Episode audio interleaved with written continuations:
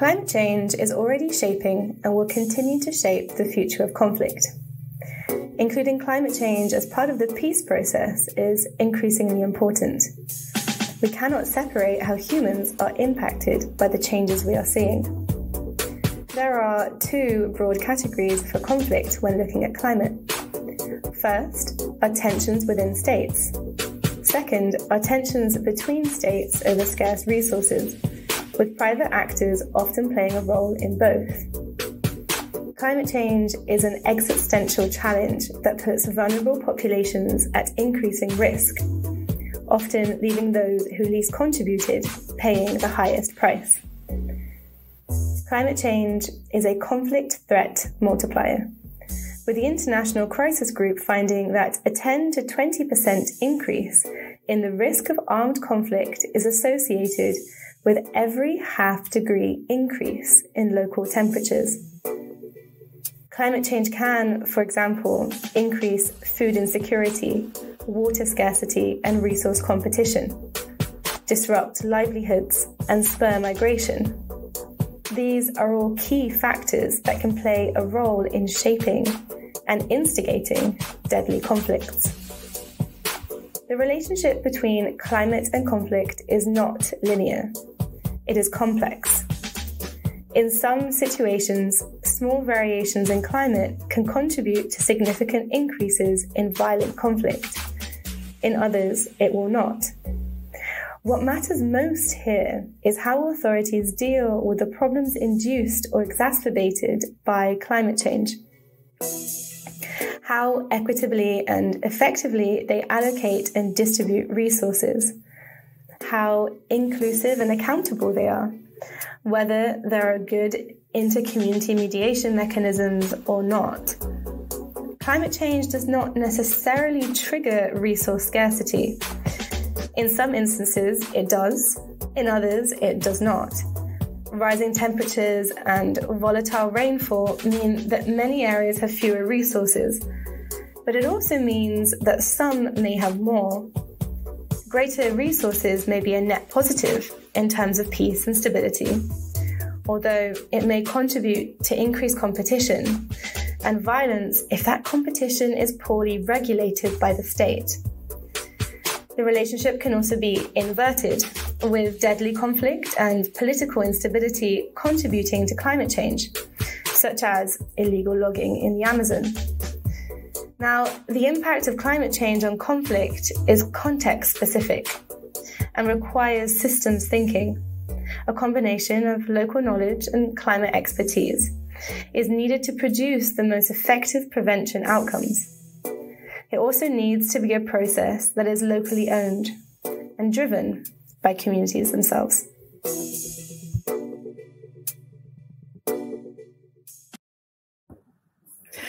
Good afternoon, everybody. Uh, it's great to have you here at the Global Voices seminar on climate change and conflict. My name is Amira, um, Amira Sawas. I'm a feminist researcher and advocate who's been working at the intersections of climate change, gender, security, and violence across academia and NGOs for some time. I've been invited today to moderate this really interesting session on climate change, environmental degradation, and conflict, organized by Forum Civ. Um, so it's great to be here um, and to play this moderating role. Um, I'm currently working at ActionAid, which works in 45 countries on development, resilience, and humanitarian response. And we prioritize working with the people who are the most marginalized and sort of living on the front lines of climate change and conflict. So that includes, you know, women and girls. Who are particularly affected by overlapping systemic crises. So, not just climate change, but also gender equality, conflict, and now the COVID pandemic. So we're finding that gender equality issues like gender based violence, for example, weaken resilience, and that climate and environmental disasters and degradation also worsen issues like violence and gender based violence. So we realize that we have to start working in a more integrated way addressing multiple systemic crises at the same time. Um, and this is, you know, particularly important for the issue of climate change and conflict. Um, there's currently an evidence base which is emerging about the linkages between climate change and conflict, which was described in our in the video that was just shown. And a lot of these kind of impacts or the, the the work is sort of suggesting that climate and environmental degradation is is worsening or multiplying the threat of conflict um, and fragility in countries uh, globally, but especially those living on the front lines of climate change in the global south. Um, this is a really interesting point of inquiry, and there is a lot of interesting research, but there needs to be more efforts to understand the lived experience of the people in those countries and the work that people are doing to understand and reconcile the linkages between climate change and conflict. Um, and also what you know not not just what the dynamics are and what the risks are but also what kinds of development humanitarian practices and mobilization might be needed to reduce this threat multiplier effect of climate change. So today i'm really really excited that we're speaking directly to those experts I'm delighted to uh, introduce an expert panel of people addressing the climate, the environmental crises across various contexts that are also affected by violence and conflict. Their experience will teach us a lot about the issues that are emerging, especially in terms of how climate change and conflict are related to each other and overlap. They'll also share with us insights on how to address this intersection. So I'll just briefly introduce our expert panel. So we have Narith Por from Cambodia, representing an organization called My Village. Narith has been working in community development and natural resources management for 15 years. He's the executive di- director of My Village, which is a local NGO that works for indigenous communities in the northeast of Cambodia. They work on fishery resources management, forestry resources management, uh, climate adaptation, local governance, and social accountability. And as a result of their efforts, together with authorities, staff, and communities, they've supported Indigenous communities to, to protect over 80,000 hectares of forest land and 71 hectares of fishery resources through community forestry, community protected areas, Indigenous land titling, deep pool conservation, excluding community fishery areas. The next expert speaker we have from Mozambique is Iliam Rawoot. She is a deeply experienced campaigner, activist, and journalist focused on human rights and land rights abuses. She currently works for Justica Ambiental, um, Friends of the Earth Mozambique, as the coordinate, coordinator of the Say No to Gas campaign, which is defending people and land against exploitation from the gas industry. She was previously the coordinator for the Southern Africa campaign to dismantle corporate power, and she also works as a freelance journalist, having written for many major publications. Then we have Andres from Colombia, representing Censat Agua Viva, Andres is an environmentalist, organic farmer, and writer. Interestingly, with a background from the oil industry as a qualified petroleum engineer with significant experience across various organizations, including Ecopetrol, Halliburton, and Weatherford. He's used his deep understanding of extractive engineering and the oil industry to reorient his career towards research on extractivism, on energy and environmental transition at Censat Aguaviva this is an environmental organization focused on communication, education, research, and mobilization. He's the vice president of the Community Aqueduct um, of Cascao Village and an opinion columnist for Las Dos Orillas. He's participated in discussions and processes and publications on the exploitation of unconventional reservoirs, fracking, and post oil transitions. And finally, we have Prashant from India, representing Srishti Tidnyan. Um, Prashant, Prashant is the executive director, and it's an environmental NGO based in Mumbai, India, which aims to address environmental de- degradation and promote a safe and healthy environment for all. Its mission is to generate awareness across all of society about how critical conservation is for human survival, sustenance, and actually the well being of all living beings. They put a specific focus on conservation, education, and awareness, and engage with many stakeholders to achieve that, including teachers, youth, women, villagers, educationalists, government agencies, and local, national, and international organizations. They have so many interesting projects that I've been learning about, including a climate youth ambassadors network across Mumbai and Stockholm. Prashant has also written several books which reflect his decades of experience in ecology and conservation. So we have a really amazing panel with so much expertise to learn from today. I'm really excited about it. Uh, but before we launch into it, I thought we should just quickly recap why we're here. So this is part of Forum Civ's Local Voices seminar series, which are set up, which were originally set up by regional offices to bring together community-based organizations and experts from around the world to promote dialogue and exchange on shared topics which affect their lives. So we believe that having a platform for exchange is a really good place to start. There's so much to learn from each other, and we don't often get these opportunities to come together and really hear from what is actually happening in different countries across the world. So this is the third seminar that Forum Civ has held. And this time, obviously, we're focusing on climate change, environmental change, and conflict. This seminar will cover what it means in realities for communities on the ground and how communities across the world are responding to this ever growing challenge. So we'll finish up with looking forward to the future and seeing what more needs to be done to move forward. We'll have three sections in today's seminar. First, we'll set the scene. You know, what are the dynamics and the interlinkages that are emerging in different contexts? And we'll give some context to the overall topic. Then we'll go into the responses and the outcomes as pursued by our expert panelists and, you know the different stakeholders within their contexts. And finally, we'll move on to where do we go from here. So I'll move swiftly into section one on setting the scene. And I will go straight ahead to one of our expert panelists, to Iliam from Justica Ambiental or Friends of the Earth Mozambique, who's going to speak to us now about one of her areas of work. Thank you, Iliam. Hi, uh, thanks, Amira. It's um, uh, Ilham. Um, but I know when people, often when people read it and think it's a Portuguese name, then it immediately goes into Ilham. Um, but hi, yeah, thanks um, everybody for having me on. Um, it's really interesting topic, and especially in Mozambique, where um, the the gas industry has sort of it has become its presence has become seen its physical presence at the same time as there's been a massive insurgency um, of attacks in the north of the country. So it's a basic background the gas industry in mozambique uh, is sort of like the textbook uh, you know, extractive industry issues that come up, uh, the human rights violations, the forced removals of people, uh, and the Anadarko, the American company which found the gas in, well, discovered the gas about 10 years ago, uh, they no longer exist. They were bought by another American company called Occidental Petroleum, who in turn sold the Africa assets to Total.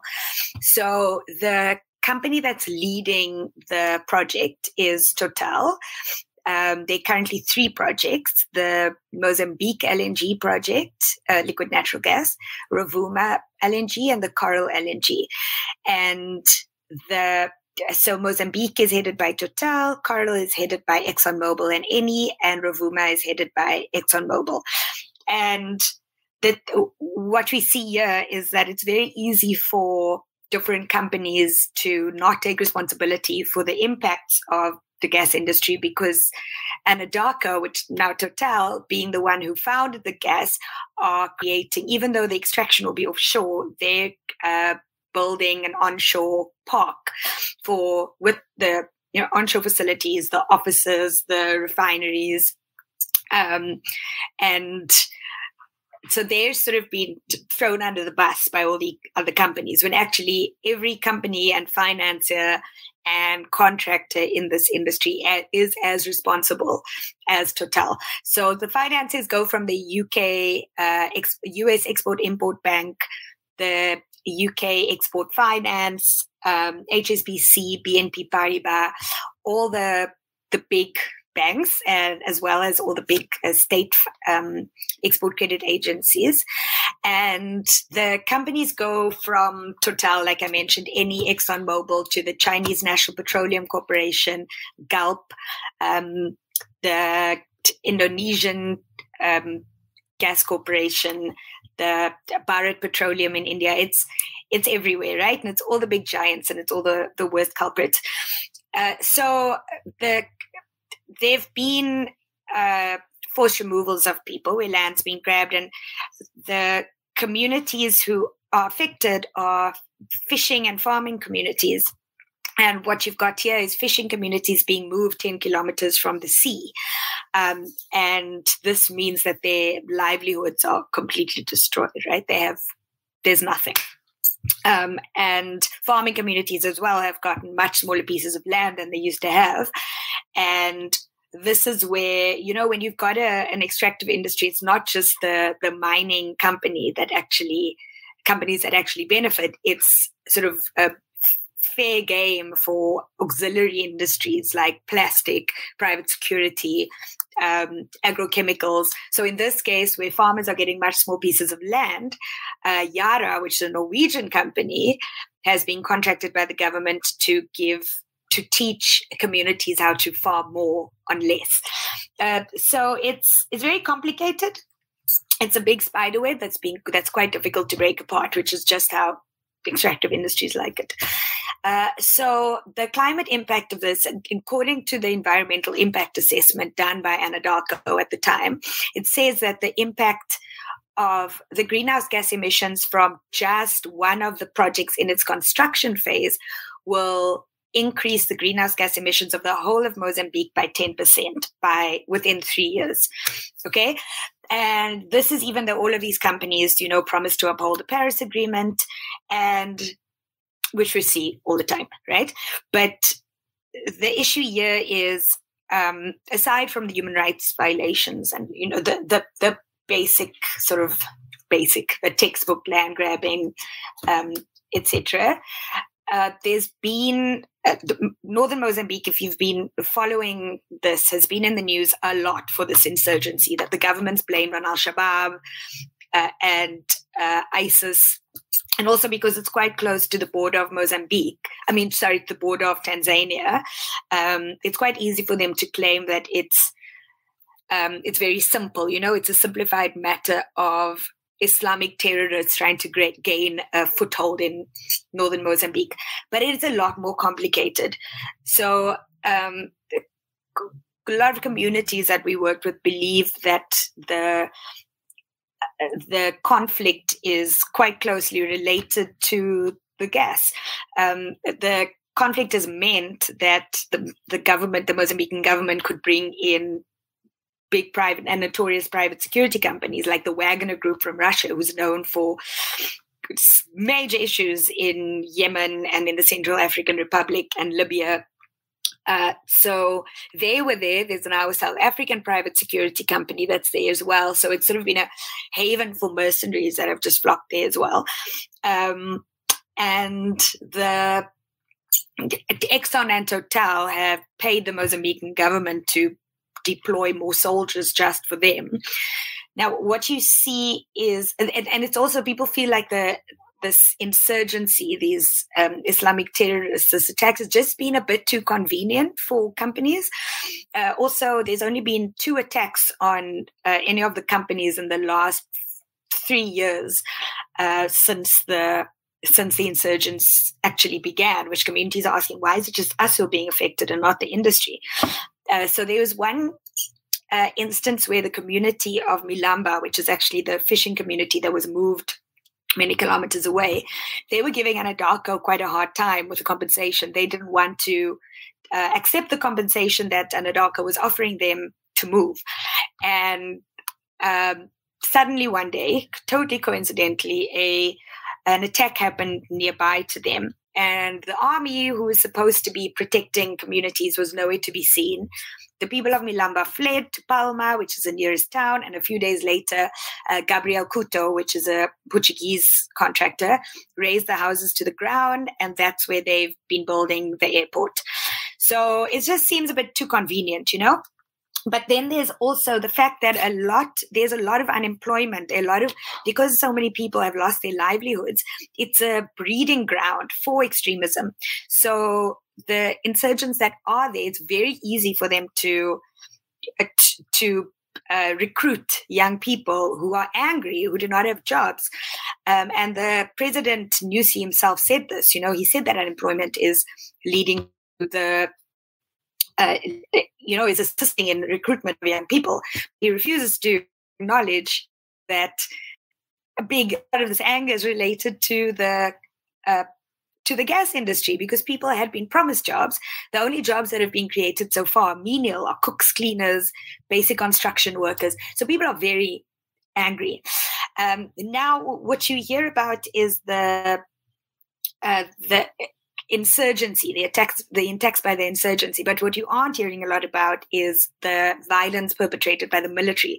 So, because the government, the Mozambican government, is freaking out because they they sudden they all these attacks and they don't have enough uh, soldiers. And now when you've got Exxon and Total paying them to bring in more to deploy more soldiers, they've been recruiting people sort of uh, forced conscription of young men. So we know of instances where they've gone to towns and just picked young men off the street and sent them out to Cabo Delgado with a gun. These are young men who have never been trained. Uh, they're not getting as much food as they should be. They're hungry, they're angry, they're not really sure how to deal with the situation, right?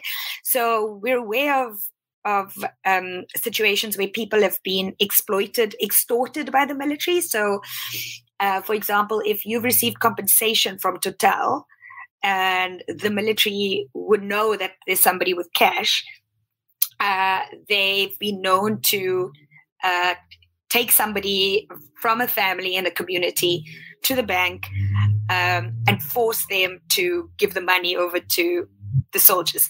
So uh, there have also been instances we've heard of of sexual assault by the military, but because the situation is so, um, as well as journalists that have disappeared. I mean, there was a journalist that disappeared in April and has not been heard from since. Um, there are activists who have disappeared. Uh, somebody that we worked with uh, disappeared at the end of May and uh, also has not been heard from since. So people are very, very afraid to speak out, which makes it uh, quite difficult to get the stories out there with people's names and you know which which is always something that the government or the mainstream media would say is that well if you don't give us names we don't know what you're talking about and you can't prove it. Um, so this is another um, a massive issue that we're dealing with. Uh, and can i continue? Do i have time I'm so, I'm so sorry to uh, cut you off. You know, this is all so important. It's so important to bring polite, and you know, thank you so much. Um, you have about a minute left, and then we have a video from you as well. Okay. So it'd be great um, to see that. So the oh, now I suddenly want to say everything in a minute. Uh, so we've been working very closely with communities on the ground. Uh, we have staff in Cabo Delgado, uh, but again because of the the conflict it's very difficult to for the people to actually um, resist uh, on the ground in a way that you you know in the, the sort of the, the type of on the ground resistance that so many organizations work with and so many communities work with because it's just it's so delicate and it's so fragile. And it's uh, very clearly the, I mean the militarization there is as linked to protecting companies as it is to um, protecting people from attackers. So, yeah, I think we can leave it there for now. Thank you so much. That's just it. It reflects a lot of um, you know dynamics that have been witnessed in other contexts as well how these kind of corporate military paramilitary gender dynamics are sort of overlapping with each other so thank you so much um, it'll be really interesting for viewers to sort of know where to look to have more information about about the work that you're doing in this campaign. So, um, it, where where's the best place for people to look to get that information and to support the work that you're doing? Uh, I think at this point, maybe uh, just sending me an email because things are changing all the time. The impacts on the ground are changing all the time. Um, it's um, uh, yeah, maybe send me an email and then we can we can chat like that. So I'll put my email in the in the chat box or in the comments, I guess. Yeah. Thank you so much, Ilam. That has just been so interesting and also quite heartbreaking um, of a case, but I think we'll all be keeping our eyes open to it and um, we'll bring you back in for some discussion in a bit once we've reflected on the other cases, if that's okay. Thank you. So, next we have Narith speaking uh, from Cambodia. I'm Narith. I'm from Cambodia. Uh, nowadays, I'm director of my village organization. We are focused on uh, natural resource governance, climate change adaptation, and social accountability. So that is uh, my focus in my organization. So my point is, um, what I'm sharing is uh, focus on how to empower local community, indigenous community in uh, natural resource governance. And yes, uh, before uh, going to the next, and I just a brief uh, the situation and also the indigenous community, community context. And in Cambodia, when we see uh, these uh, uh the people who should uh, depend on the uh, natural resources and agriculture for their livelihood. so when we look at the northeast of Cambodia, this in Stung Treng, uh, and also Mandol we are working for. So uh, those resources uh, before uh, rich in natural resources like fishery resources, as these Mekong mainstream dams across there's uh, tributary like Sesan, Srepok, and Sekong rivers. And also, uh, as the resources like the forests are important for indigenous community livelihood. So most of uh, those areas, they are indigenous people. They that their livelihood depend on natural resource for their livelihood improvement and also for their cultures. So uh, nowadays, uh, those resources uh, have been, uh, you know, those resources have been uh, threatened, like uh, fishery resources along the Mekong River and tributary because of large infrastructure development. So it uh, uh, really uh, affect to the biodiversity along the stream and also the the, the rivers and also those uh, resources are impact uh, on the uh, indigenous community livelihood. another resources like the forest resources. So the indigenous community they depend on forest resources for their income and also for their livelihood and those their resources are you know, face uh, challenges like uh, the forest, forests have been cutting or some uh, land of forest have been sold to others. So because of uh, uh, those actions, so it affected to those resources and also uh, really impact on on the indigenous community context, yeah, livelihood. Yeah. So please go to next one. So even though we have uh, some intervention to uh, uh, make sure that the resources have been maintained and also protected uh, for the indigenous community livelihood, but uh, recently because of COVID-19 happening in Cambodia, it's starting from March in 2020 until July. So it mostly happened in Cambodia and 294 have been uh, found in, in Cambodia and mostly uh, recovered. But when it happened to what happened to the natural resource uh, uh, governance in Cambodia, especially in indigenous context, um, actually it really impacts because uh, you know after some framework and also policy at national that we plan to be conducted at national level so have been de- delayed and like the fishery law, forest uh, fishery law, or environmental code. And another thing is uh, uh, relevant to any framework and also policy have been relating to natural resources have been uh, delays and uh, because you know when the uh, when the the uh, pandemic happened in in Cambodia, so there's uh, some instruct uh, there's instruction from the Ministry of Health uh, not permit to for the people gathering. So it more mostly we are involved in the COVID-19 pre- prevention. So some activity relating to the natural resource have been, uh, you know, interrupted and uh, uh pending. And we observe that this dropping of the budget for the government so when we compare 2020 and 2021, so it uh, will drop uh, 50%. So more or less it will affect it to the uh, environmental protection and natural source governance. And also, as I mentioned before, when the COVID-19 happened in Cambodia, uh, uh, the, uh, there is some instruction not permit to have gathering other people. So some activity of the CSO mean that uh, non-government organization on, and also the government actor to supporting uh, to support the uh, natural resource governance like forest or fishery also um, uh, slow because also panic some during that period from March to July and August. So there's no activity at the field, but um, yeah, so that that is uh, what happened to the at the community, and uh, we also have uh, some alternative uh, uh, Uh, to be a part of a natural resource governance. Is uh, we try to use uh, ICT 4D, mean that we use the uh, social medias or Telegram or Facebook to to to help or uh, another mechanism to help us to be a part of natural resource governance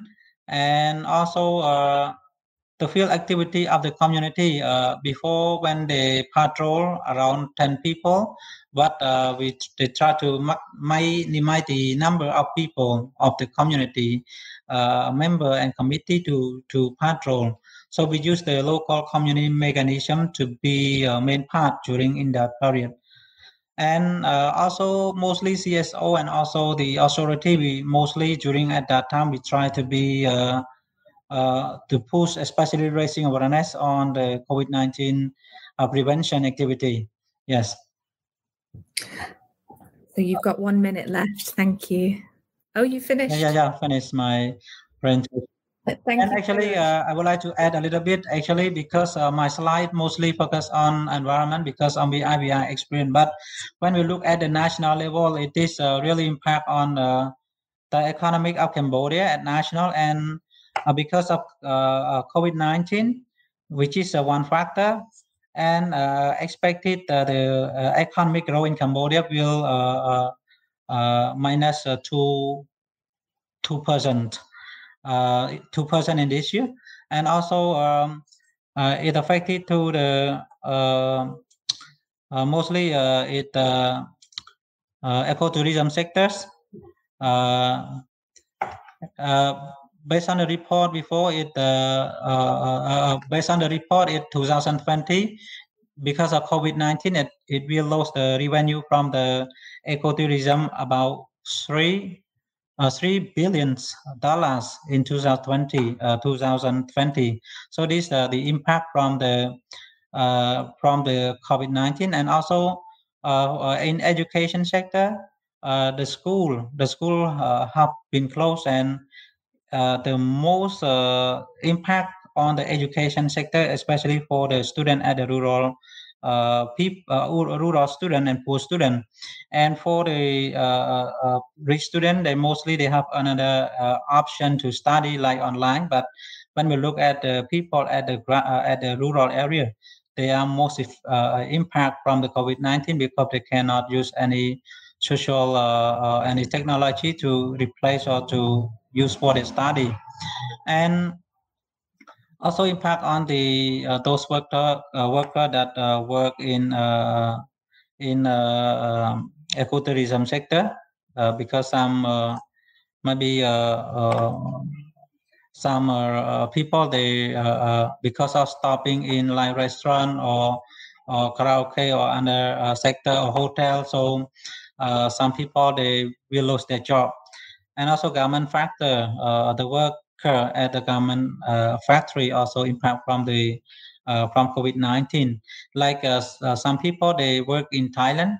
so because of COVID-19, 10 10,000 people worker need to be forced to come back to Cambodia from Thai government and also the domestic worker that uh, work in government sector in Cambodia. They also uh, suspend their contract because of COVID-19. So it overall overall impact on the on, economic in Cambodia. And what I mentioned is focused on indigenous community and environment. And thank you. Thank you so much. Um, it's really sobering to see the realities in terms of the impacts of COVID 19 on climate action and environmental action more broadly. There was some an- analysis released yesterday in The Guardian, um, which looked at how countries are spending or focusing their COVID 19 relief funds and although they started talking a lot about building back better and building back greener, the analysis shows that actually largely they're not supporting climate action. So this is really worrying. And thank you so much for giving us that context um, from Cambodia.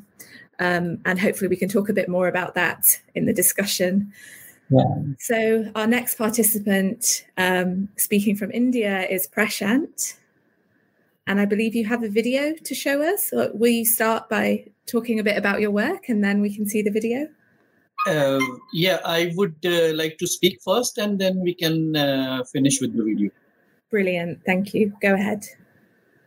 Okay, so good evening, friends. Uh, thank you, ForumCiv, for letting me a part of this conversation.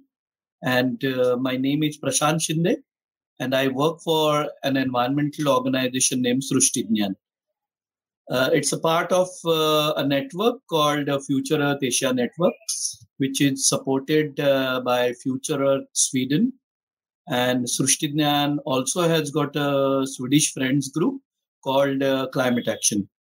Uh, here I talk about how local community responding to the conflict situations aroused by the state government decides to destroy the forest areas in Mumbai city. Uh, Mumbai city is the only example in the world which uh, has got 25% uh, of area under the forested green cover, uh, which is uh, known as Sanjay Gandhi National Park and adjoining Aarey Colony Forest area. Now, Mumbai is always under stress of improving and altering its infrastructural facilities.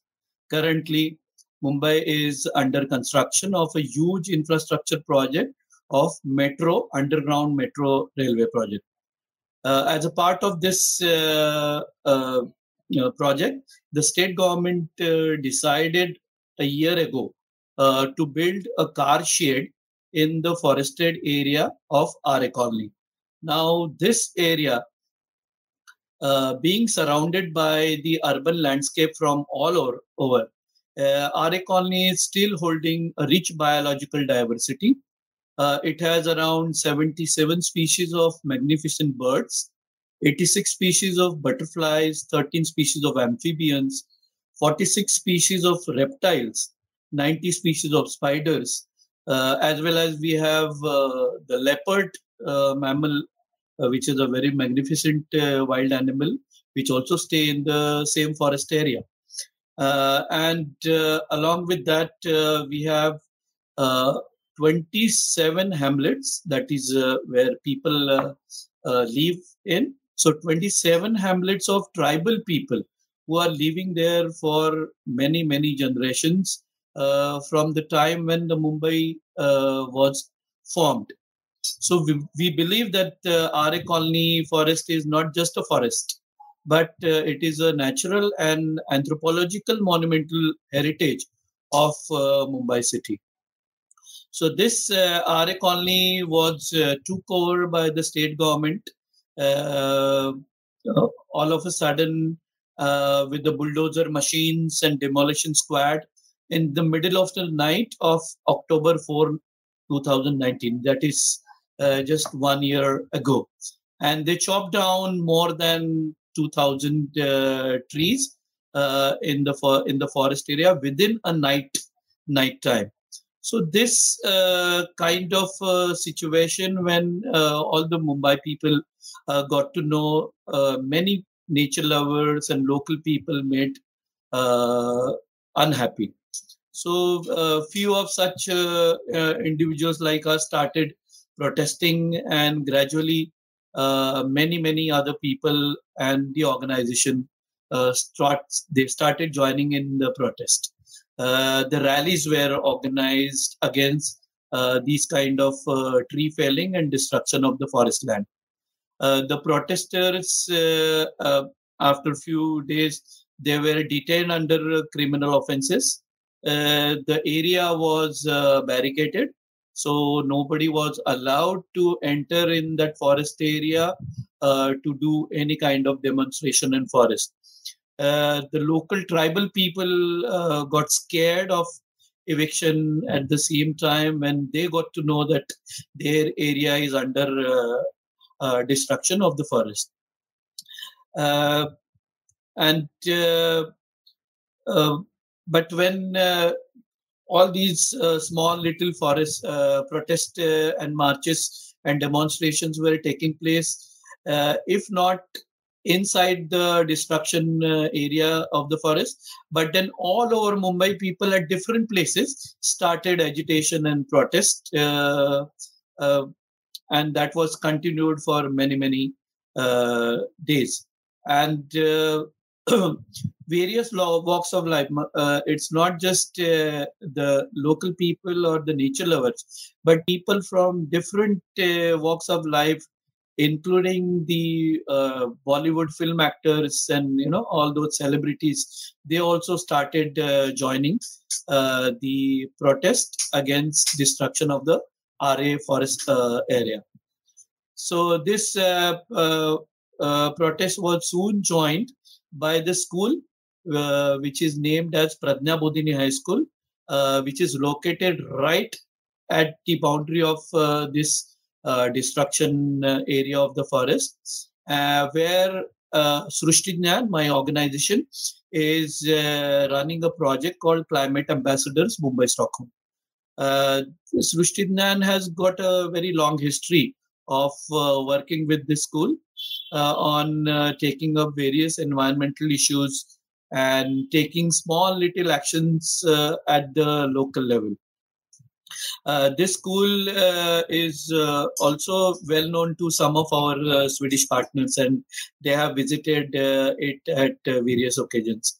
So, this school, the teacher, the principal, and the and the students, they were very active in uh, discussing the environment issues as they discuss how uh, the destruction of the forest in Aarey colony forest area was taken place.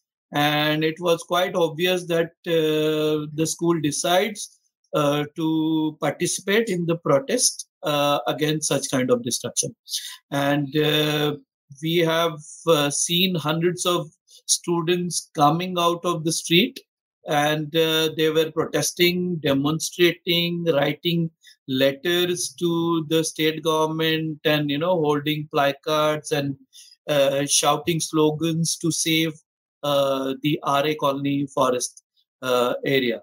Uh, they were quite determined, uh, and they said, whatever destruction has taken place, we will try and restore that kind of uh, destructed uh, area. And therefore children also got into uh, preparing the saplings of uh, the plant. So they they thought whenever this uh, they get the chance they will go there and you know plant the new new saplings. So these kind of activities that our project participating uh, uh, school children were got uh, involved into.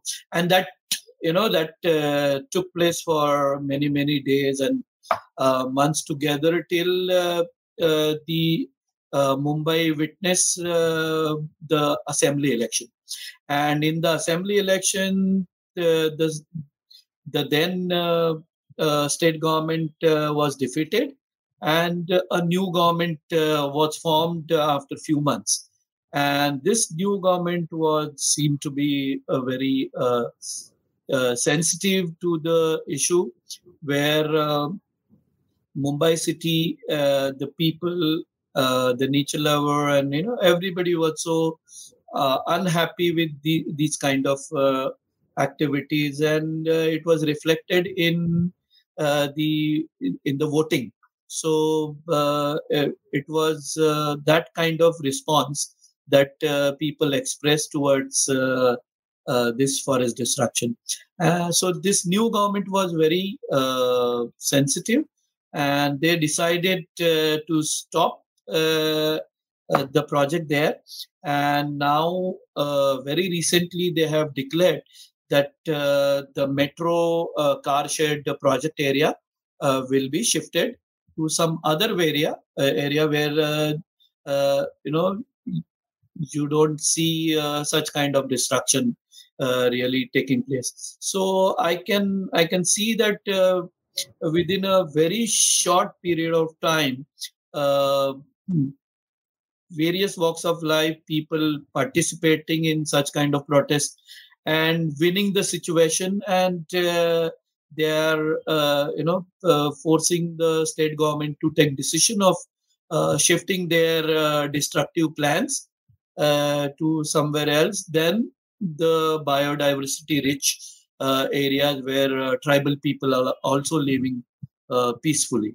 So I think uh, this is what uh, uh, we think that it's a happy moment for us to see how protest people protest can really result into a good a good result. So on to our final speaker today. Um, we have Andres from Colombia here. And yeah, take it away. Okay. Thank you. Thank you, Mira. Thank you, all of you, for having us here, for inviting Censat and me to to talk a little bit about the reality in Colombia, um, environmental reality, basically. And um, we can start saying that um, yeah, the most important richness of Colombia is the ecological megadiversity, ecological, and of course, ecological vulnerability uh, would be the main factor um, in a country which is uh, really threatened by the um, by climate change. Um, Colombia's vulnerability will be physical, economical, and social. And of course, um, having uh, coast is uh, the sea being being part of of uh, territory which is uh, between the Pacific and the Atlantic Ocean. We will have treated we we are treating it by by a rise in the sea levels, uh, reduction, of course, of agricultural yields, and also the proliferation of uh, new vectors and epidemics and damages to housing infrastructure and, and everything. Um, yeah, yeah, probably the the last uh, most impactant um, um, news about wildlife population uh, were in the last um, Living Planet um, report, which said that in Latin America the situation, uh, especially about um, uh, population reduction, of, of mammals and, and, and, wildlife in general, it's in, in average 94%, and, and it's due to human activities. And these human activities in Colombia will be related to, to like the main, our main problems, which are the sources of the domestic uh, conflict and the migration to the to the big cities, and those are deforestation for land appropriation, uh, will be legal and illegal mining and fossil fuel extraction and fossil fuel extraction based on hydrocarbons and coal extraction. Um, this is in, in, in a context of, of violence which we need to be very aware of. Um, uh, according to to to the last uh, report of um, of um, the conditions in in in the in the in the country, uh, uh, according to Global Witness, they have seen a rise in attacks against land and environmental defenders since 2018. Uh, killing in Colombia in 2019 peaked uh, 64 environmental uh, activists, and according to to a local um, in the past, a, a local organization, at least 70 social leaders and were killed uh, just this year in until until the 31st of August.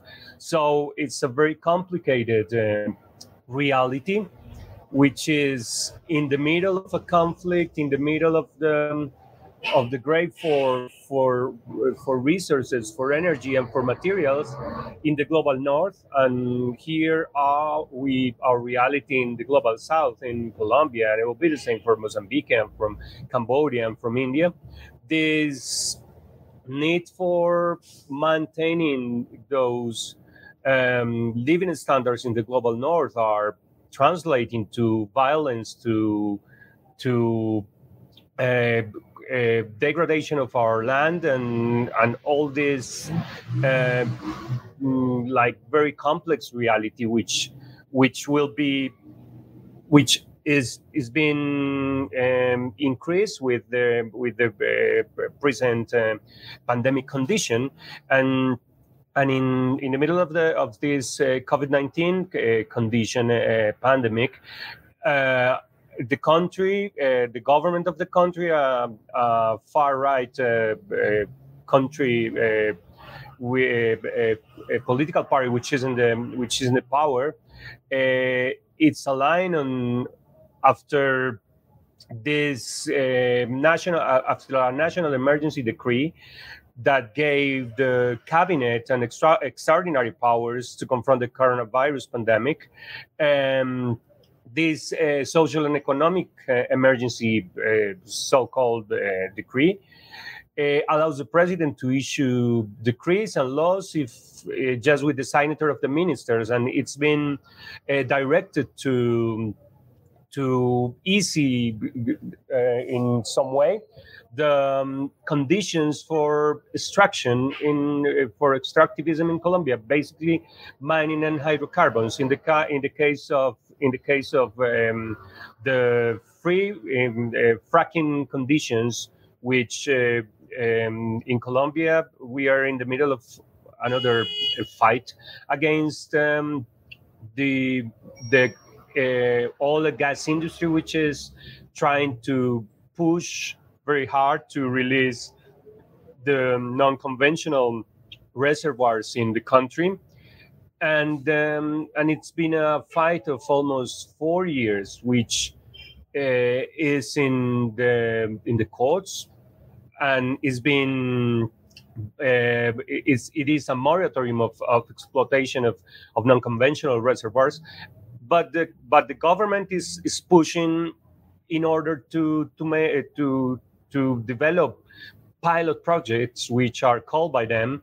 And these pilot projects which for us in in in, in the social organizations environmental organizations we see it as um as a way of of uh, trying to to do um, more more than scientific or or any sort of investigation they are trying to develop commercial uh, commercial frac a commercial fracking project. And um, and this decree which which was uh, was uh, before the social and economic emergency powers in the in the government have um, fascinated this all this process. And in in the middle of that is the uh, death threats to activists uh, which are opposing to fracking. That was something which was uh, last uh, uh, the last week, we in the in the Free Fracking Alliance of Colombia, we received um, threats to um, six of our of our friends in uh, which are working in in the middle of the Magdalena River, which is the center of the pilot process, uh, uh which which the government is trying to implement, and I can see that that all these uh, conflicts, which are, mm, as I said before, related to deforestation, deforestation in order to appropriate for for lands uh, more than than than this, all this uh, cocaine um, market, which is uh, like very often the reason uh, that that people in other places of the world see the, that Colombia is the main problem is not only this this uh, sort of cocaine cocaine market and deforestation associated to it is more um, deforestation associated to the ways of, of the land uh, is appropriated by the by the Colombian elites and. Um, and, and as, as, I said before, deforestation, legal and illegal mining, and uh, uh, hydrocarbon, fossil fuel, coal, as well as uh, uh, oil and gas, are the main sources of, of conflict, and they are they are being exacerbated by the coronavirus um, uh, crisis. And as I said before, as, as, as is um, uh, sort of a common condition for all global south, the the standard, the living standards of the global north is putting us in a, a big risk. Uh, just to remember that the poorest half of the world's population, which is 3.5 billion of people, is responsible for just 10% of carbon emissions, despite being the most threatened by the catastrophic storms, droughts, and other severe weather shocks linked to climate change. And this, I think, that's a very, very good um, summary of our reality and violence and, and all these conditions, which are um, also uh, are our, our big uh, pandemic, as we can say. Thank you so much, Andres. You did a very good job of actually summarizing lots of the intersecting issues that have come up across the panel today. Um, so, in terms of where we go next in this discussion, let, let's focus on kind of the next steps um, for the next 25 minutes, just to make sure there's enough time for everybody on the panel to really speak about you know your experiences and ideas for what needs to be done. But just before i go there i, I think I, it will help maybe to just summarize what are coming up as some key themes um, because often in the sort of climate environmental degradation violence security space you know questions get asked around how does this all interlink i think you've all done a brilliant job of sort of explaining that but if, if i can attempt to summarize, although do forgive me for my weaknesses in doing so. So, I think one of the first questions that's really important when we're thinking about um, th- these actions and activities that are taking place in different countries and, and when they have environmental and climate impacts, you know, they're often being done in the name of development or in the name of security, national security, for example. But one question that's come up in a, a lot of the work that I've done in the past on this is who is this security for? So if we take the case of Mozambique, you know, this, um, you know, developing um, sort of a security infrastructure around the fossil fuel dependency, is that security for the people of Mozambique, or is that security for the corporation and for, as you just said, Andres, for supporting sort of livelihoods and living standards and expectations of those of us sitting in the global north? So I think there's a big question in the climate, environment, security, conflict space around what is the role of the state here and who is it defining security for and who is it defining, you know, what security matters. And clearly what's happening in a lot of contexts is often you know the majority of people those who are going to suffer in the long term or who are suffering now their human security is being violated by development planning that's sort of going in the wrong direction um, which brings me on to the to the next question not just about envisioning who security is for but it's also about visions of development. So uh, in a lot of the work that i've done in pakistan very, very similar uh, trends are, have emerged around sort of corporate or even international financial institution or even sometimes INGO ideas around what development needs to happen. And often there's this envisioning that countries will shift you know they use models so oh we'll be like the new dubai of you know south asia or we'll be you know our city will be you know will shift from this kind of mega city model into this very sort of sleek corporate style city. And that doesn't work when you know that isn't the kind of that isn't what people need. That isn't what people want. And a lot of that is kind of corporate development which you know is excluding or violating the rights of the majority of people and their needs. So so i think that's another question that comes up around the whole climate security development planning who is this who is this planning for? And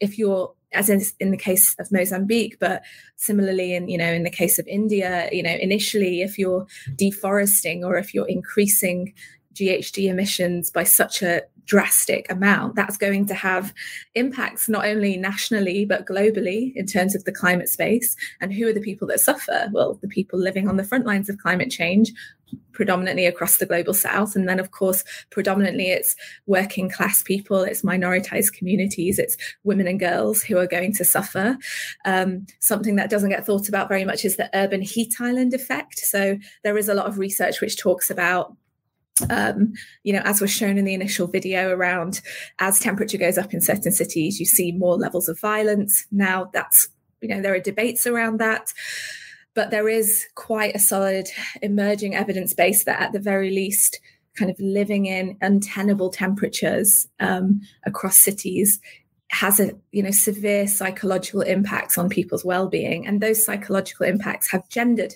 impacts as well. So women and men and gender minorities in different contexts experience that that kind of climate impact in a in particular ways, and it, it's distressing to to live in a context where the climate is is going above 50 degrees, you know, 40 or 50 degrees, and that is having an impact on existing infrastructural deficits in cities or in rural areas. So, yes, the second, the third area is around that local environmental impacts piece. So, we need to understand, and we are understanding a lot more today through the discussants around how programs which are sort of set in place under kind of economic visions of development, or as you were saying, Andres, around um, supporting lifestyles of those of us sitting in the north, are having not just immediate impacts in terms of climate impacts which are affecting people's lives, but that these are going to have dramatic long-term impacts. And you know if we're seeing that people's livelihoods and their human security is being violated now that the risks are just absolutely exponential. And this is coming up in the climate science as well. Um, so yeah, I think obviously that's lots of systemic issues you know that at a global level a local level and there's also policy debates around this. Um, you know a lot of the policy debates are kind of well intentioned but often very much top down sort of global north led and it so it would be really good to hear from you about you know what do you see as being what what mechanisms are being applied now in your context to mitigate the conflict dynamics, the conflict environment, climate dy- dynamics in your region or in the specific cases you're talking about. So, what are the mechanisms that are being applied and by who? What do you think is working or will work in terms of mitigating um, these intersections of climate and conflict?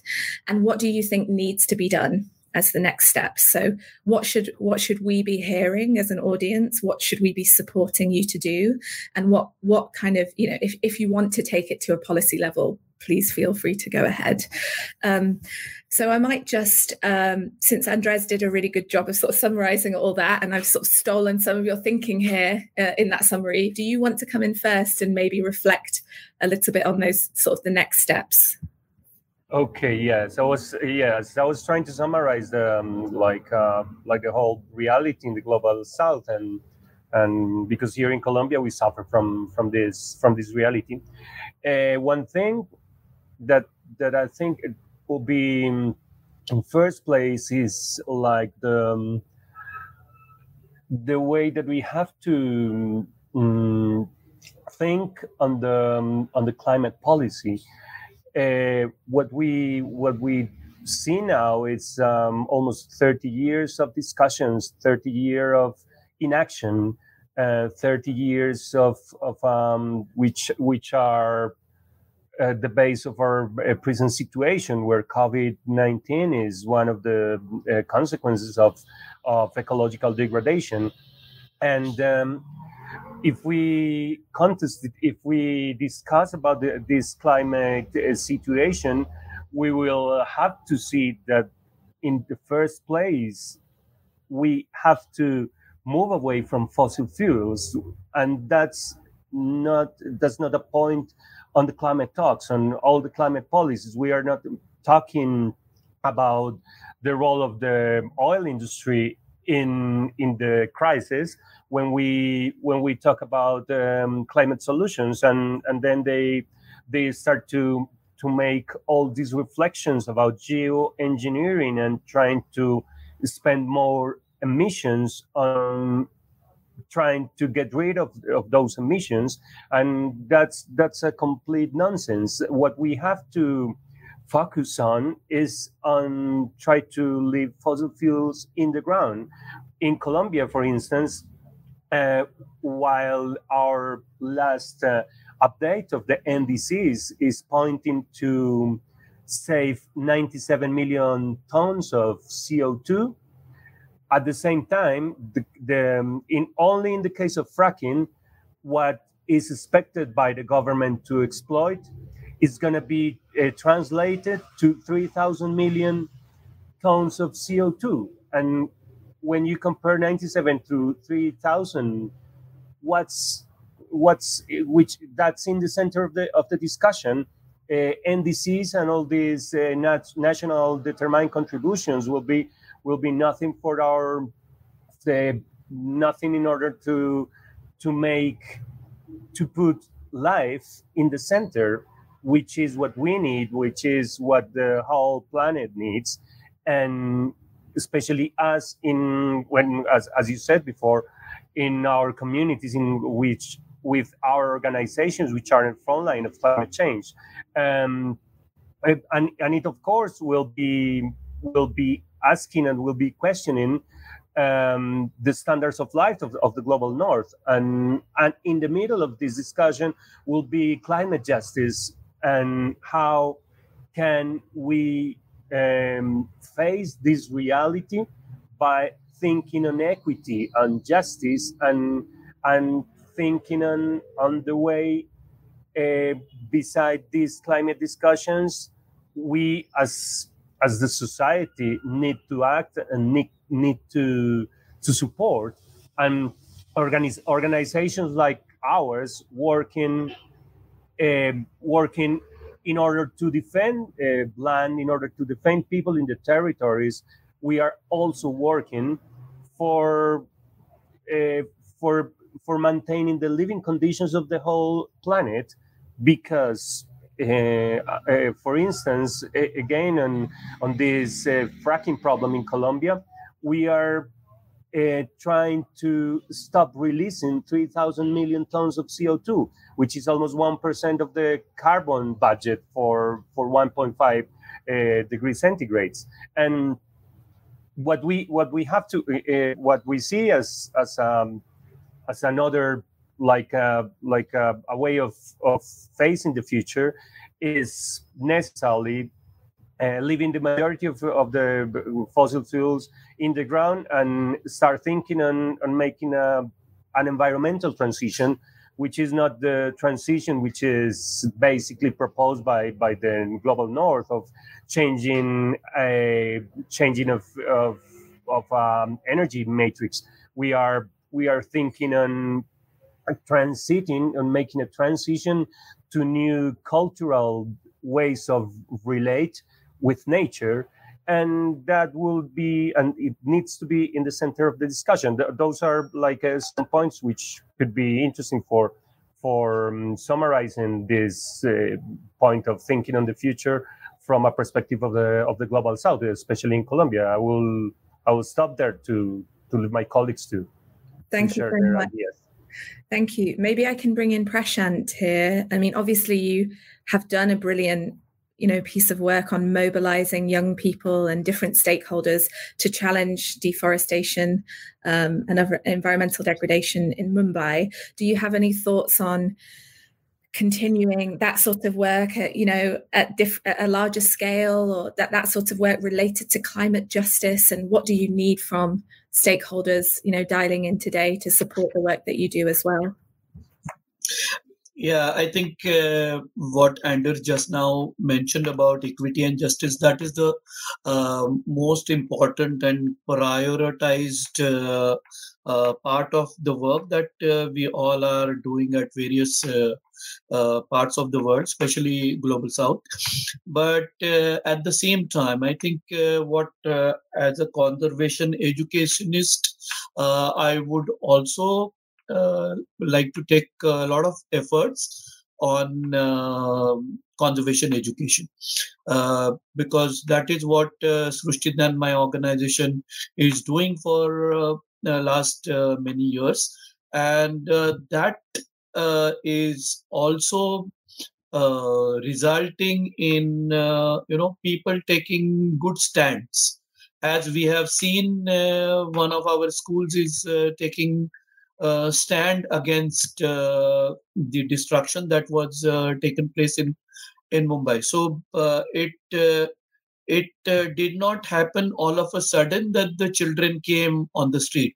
It was the continuous environmental education activities and uh, projects that uh, we were doing with uh, with many other schools and uh, that is resulting into uh, you know uh, a generation being prepared for uh, understanding the conflicts uh, analyzing and then taking action uh, so that was the manifestation of these kind of efforts that we have experienced in uh, Pradnya Bodhini High School children coming on the street against the forest destruction. So I think uh, education also make uh, a continuous uh, environmental education also make uh, uh, a, a, good uh, difference to prepare the generation to take right stand. That is what I believe. Thank you so much. Um, certainly cannot disagree with that at all. Um, perhaps I can bring in Ilham now to speak a little bit about what you think are kind of important next steps for the work that you're doing. Uh, so the um, because the the campaign is so uh, multi-pronged, you know, the uh, people on the the ground are really um, you know trying as much as possible to resist but like i said it's it's very delicate and very difficult. Um, we work very we are we work very closely with them still um, but take their stories uh, further so for example a lot of the basically all of the companies are in countries that are not uh, oh sorry uh, basically all of the the companies involved are outside of Mozambique. Uh, only 12% of the gas is actually going to go to the Mozambique government to be used there. And uh, I mean, what we what we advocate for anyways is no fossil fuels at all. So definitely no extraction. And for the way that people to access power is um, by community-led small scale um, power production. And so so what we're doing is we work very closely with um, organizations based in the countries where these companies are. So our Friends of the Earth network is, is very close, and we work very closely together on those.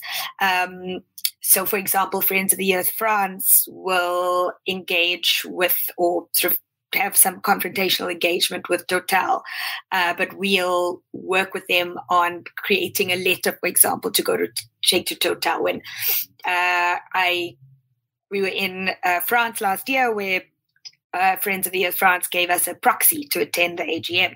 Same with uh, Milieudefensie, who gave us a proxy to attend the, the Shell AGM. Um, and where possible, our partners uh, help us with uh, meetings with uh, these companies. Um, when we were in in Denmark last year, because all the Danish pretty much all the Danish pension funds invest in Mozambique, uh, in, in companies that are in Mozambique. We held meetings with them, uh, explaining to them why they should divest from fossil fuels, one of the reasons being the case in Mozambique. Um, so, uh, what really helps is also recognizing that with a you know with a European passport, for example, as an activist or a campaigner there, it's you have quite a lot of power uh, when talking to companies or to your government more so than a you know somebody from Mozambique might do from a you know a, a community member or um, because they would just listen more. So uh, buying a sh- so one thing we've been doing, like I mentioned about the uh, AGMs, is purchasing a share. And as a shareholder, you can go to the annual general meeting, you can ask a question, you can work together to create some kind of disruptive action if need be. Also, getting the um, getting uh, the media involved is really important. So if you know of media, I, I, mean, if, if you work closely with some media who might be interested, um, you know, like, so the issue of the, for example, the uh, journalist has disappeared. That's not been in any of the media. Uh, so, or the militarization, you know, and how people have been affected. Neither has that been in the media. So that's always very helpful. Sharing um, social media, and also something that's really important is that the the, the Mozambican government is uh, very corrupt, right? As we know, like if you look at the the secret debt scandal that happened in 2017, where they took two billion dollars of illegal loans from VTB Bank and Credit uh, Credit Suisse, and there are now two Credit Suisse bankers who are in prison for um, fraud. Uh, it's really important that our governments and the companies involved are reminded that by them continuing to invest in a country that is known to be corrupt, in a government that is known to be corrupt. They are merely continuing this, uh, they are enabling impunity. You know, they're rewarding this corruption when uh, they should be saying, we're you know we're not engaging with you at all we're not investing in you uh, but by you know they're just continuing this because corruption is not a one-way street you know the mozambican government does not corrupt itself uh, so this is also an issue to be raised uh, with companies um, and also with our uh, with our own governments. Uh, so yeah, campaigns for. Uh, so, for example, the in, in Denmark, there's a big campaign with the public to get the public to um, to push their pension funds to divest from companies invested in fossil fuels. This is great because it's actually people who wonder what they can do being able to actually have a physical, tangible impact on what you know where their money goes uh, and to get their money to stop investing in a gas in an industry that violates human rights. Um, so yeah so those are some options Thanks very much. Maybe we can bring Nareth in now to speak a little bit about, you know, mechanisms being applied um, in the region that you're working and where what does the future hold and also how you know again i'm asking as somebody sitting here in in the global north and many of the people dialing in today are how can we support you to ensure um, the, the right outcomes okay thank you very much i am Narat. so uh, what should we uh, what uh, we have uh, mechanism that we should use, especially to promote uh, uh, to uh, deal with climate change impact in terms of uh, climate change uh, mitigation and also climate change adaptation. And um, I think that uh, in Cambodia, actually, these many policies have been developed. So um, we should work with the authority and also national uh, government to uh, make sure that the law have been uh, enforced and applied fully in natural resource management and also climate change adaptation. And another one is nowadays when we, we observe that uh, another thing is uh, this uh, some existing mechanism that available in Cambodia. These are at subnational and national. At subnational, actually, there's uh, one, uh, like in natural resource governance, there's uh, one uh, uh, committee. Uh, that is the, the member is from the department and also provincial administration. So that platform can, we can work with those with those uh, uh, uh, platform to address or to influence on the, especially to address any issue at the community as relating to natural resources. And at national level, actually, there is also existing mechanism that we have used before and also should be applied for next. Um, like the Ministry of uh, Environment, uh, actually, they organize the national uh, workshop that focus on environmental protection and natural resources. So those mostly attended by uh, uh policymaker and other stakeholder, CSO and also local community also uh, encouraged to join and uh, allowed to join that. So CSO and also community can use that platform to raise any issue and to influence on policy uh, uh, in uh, policy intervention on natural resource governance. And another platform that we up we available in Cambodia at national level is this actually this this one national workshop presided by our prime minister so it uh, actually that platform open uh, initiative maybe two two or three years before. So that platform uh, I think it's important because uh, it uh, presided by by our prime ministers.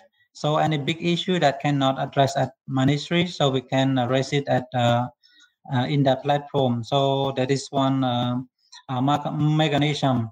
And for CSO, Actually, CSO, we have uh, we have uh, our existing uh, mechanism like Uh, at provincial, this uh, uh, NGO network. So we can work collaboratively and our, strengthen our capacity to work with the government and influence on the government. And also at national level, actually this some alliance at national that all NGO work together to influence to policymaker. So uh, currently, like this uh, uh, indigenous people network, so this River Coalition on Cambodian network, or that led by our Cambodian NGO. Also, we can be a part of active uh, that network to uh, work with the government and influence on policymaker.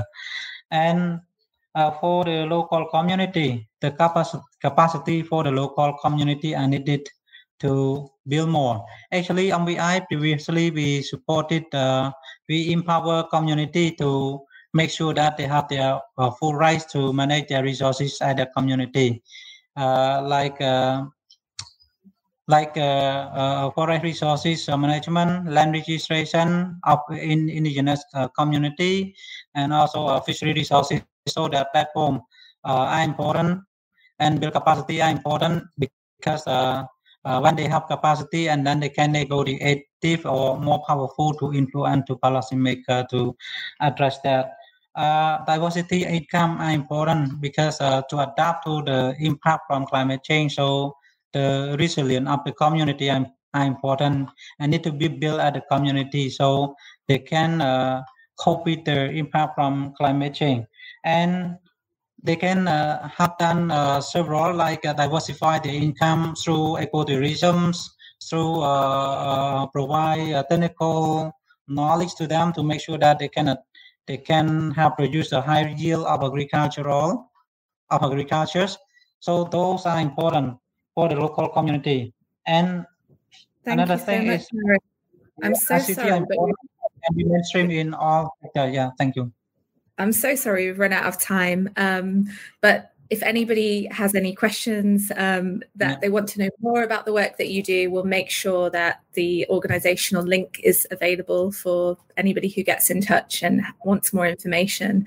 Thank you so much. Yeah. Um, there's just so many key themes that have emerged through what all the participants have just said. But I think the two that are really standing out, I think, are um, sort of focusing on you know locally designed locally led solutions um, and also local transitions um, you know focusing back on human people human and nature relationships um, but also uh, this kind of advocacy um, piece of work. Um, so I'm taking it as a call to action to me as somebody sitting in the UK um, and in the North to use my privilege more to be challenging um, the power dynamics which are resulting in in the situation that we see, um, particularly you know in terms of policy, but also I think it's important for us. I'm hearing this that we need to use our privilege to profile the work which is being done. There's just such amazing work being done, and we need to profile that and we need to build awareness especially when there are people who have been, you know, in you know enforced disappeared or attacked you know experiencing violence for purely defending the environment.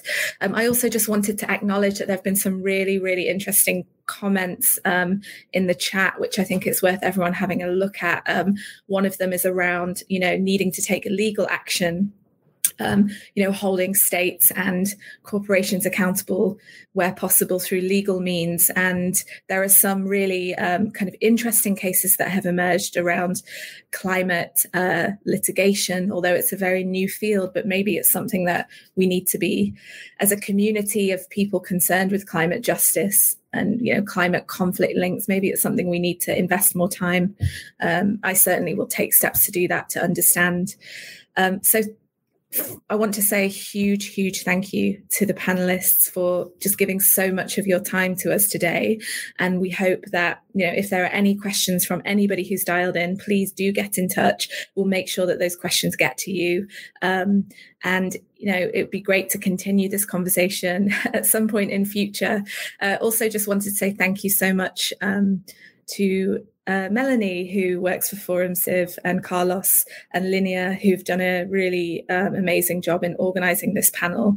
Um, so, just a big thanks to you. And um, I think uh, in that case, uh, as we're six minutes over time, I'll wrap up. But looking forward to continuing these conversations, and please do reach out if if it's something if something has really sparked your interest based on the conversation today. Thank you.